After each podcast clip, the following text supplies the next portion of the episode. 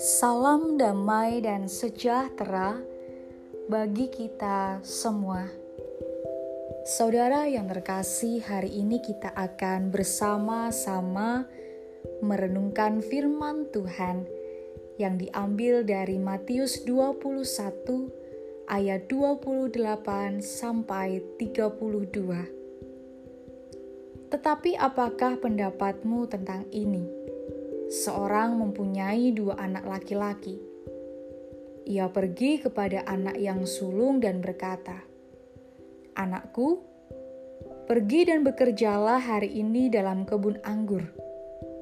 Jawab anak itu, Baik, Bapak. Tetapi ia tidak pergi. Lalu orang itu pergi kepada anak yang kedua dan berkata demikian juga. Dan anak itu menjawab, "Aku tidak mau." Tetapi kemudian ia menyesal, lalu pergi juga. Siapakah di antara kedua orang itu yang melakukan kehendak ayahnya? Jawab mereka, yang terakhir. Kata Yesus kepada mereka, Aku berkata kepadamu, sesungguhnya pemungut-pemungut cukai dan perempuan-perempuan sundal akan mendahului kamu masuk ke dalam kerajaan Allah. Sebab Yohanes datang untuk menunjukkan jalan kebenaran kepadamu, dan kamu tidak percaya kepadanya tetapi pemungut-pemungut cukai dan perempuan-perempuan sundal percaya kepadanya. Dan meskipun kamu melihatnya, tetapi kemudian kamu tidak menyesal dan kamu tidak juga percaya kepadanya. Aksi nyata. Banyak orang beragama yang kesalehannya hanya berhenti pada batas pengetahuan dan ritual, tidak menyentuh pada kehidupannya sehari-hari.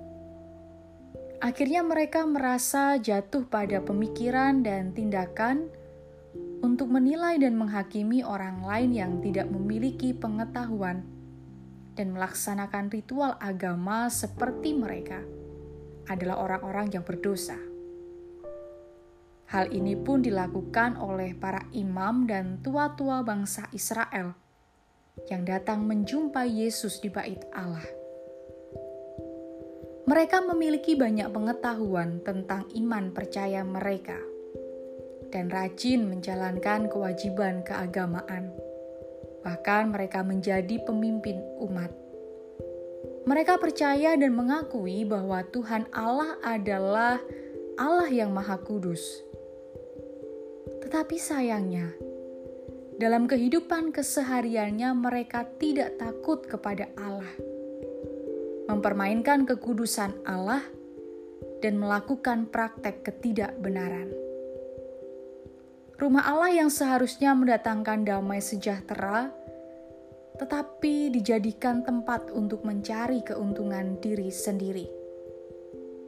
Kesalehan mereka adalah kesalehan palsu.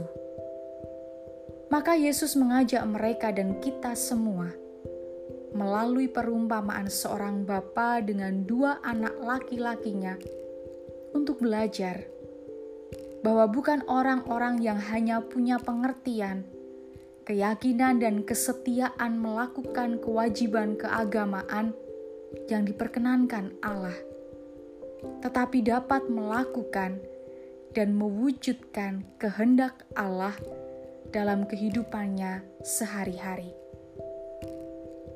Maka jangan merasa bangga jika kehidupan kita hanya pada tahap memiliki pengetahuan tentang iman Kristen, tetapi nyatakanlah dalam kehidupan keseharian kita dengan melakukan kebenaran.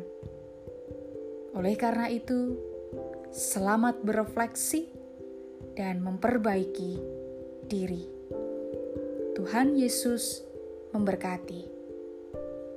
Amin.